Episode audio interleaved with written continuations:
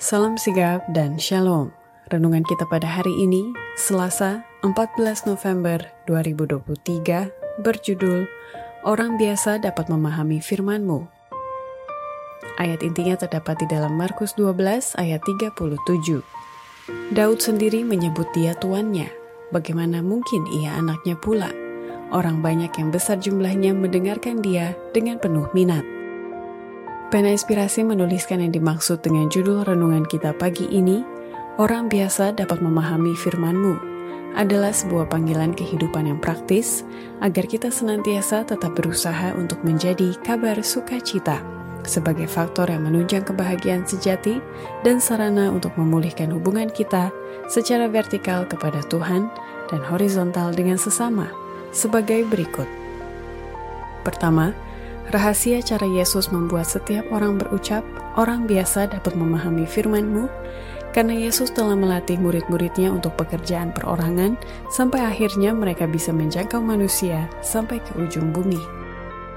Bila mana dia mengutus kedua belas murid dan kemudian kelompok 70 untuk memasyurkan kerajaan Allah, dia mengajar mereka tentang tugas yang akan dibagikan kepada orang lain, apa yang telah diperkenalkannya kepada mereka – dalam segala pekerjaannya, dia melatih mereka untuk pekerjaan perorangan yang diperluas sementara jumlah mereka bertambah dan akhirnya menjangkau ujung bumi.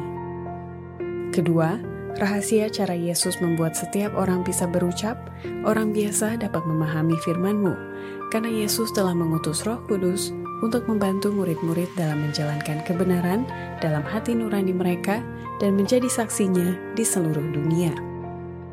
Guru ilahi mengatakan, rohku sendiri sanggup mengajar dan menghukum dosa. Keadaan luar mengesankan pikiran hanya untuk sementara. Aku akan menjalankan kebenaran dalam hati nurani mereka, dan mereka akan menjadi saksiku di seluruh dunia dan menegaskan tuntutanku atas waktu, uang, dan intelek manusia itu sendiri.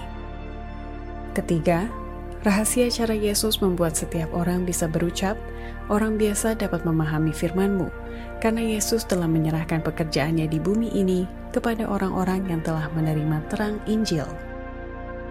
Ketika Yesus naik ke surga, Dia menyerahkan pekerjaannya di bumi ini kepada mereka yang telah menerima terang Injil. Merekalah yang akan melaksanakan pekerjaan itu selanjutnya dan menyempurnakannya. Dia tidak menyediakan agen lain untuk mengajarkan kebenaran. Pergilah ke seluruh dunia dan beritakanlah Injil kepada semua makhluk, dan lihatlah Aku menyertai kamu senantiasa sampai ke ujung bumi. Penugasan yang hikmat ini menjangkau kita pada zaman ini. Allah meninggalkan tanggung jawab apakah kita menerimanya atau menolaknya. Keempat, rahasia cara Yesus membuat setiap orang bisa berucap, orang biasa dapat memahami firman-Mu, karena Yesus telah mengutus malaikat-malaikat pelayannya untuk membuat pagar perlindungan bagi anak-anaknya dari setiap keluarga Kristen.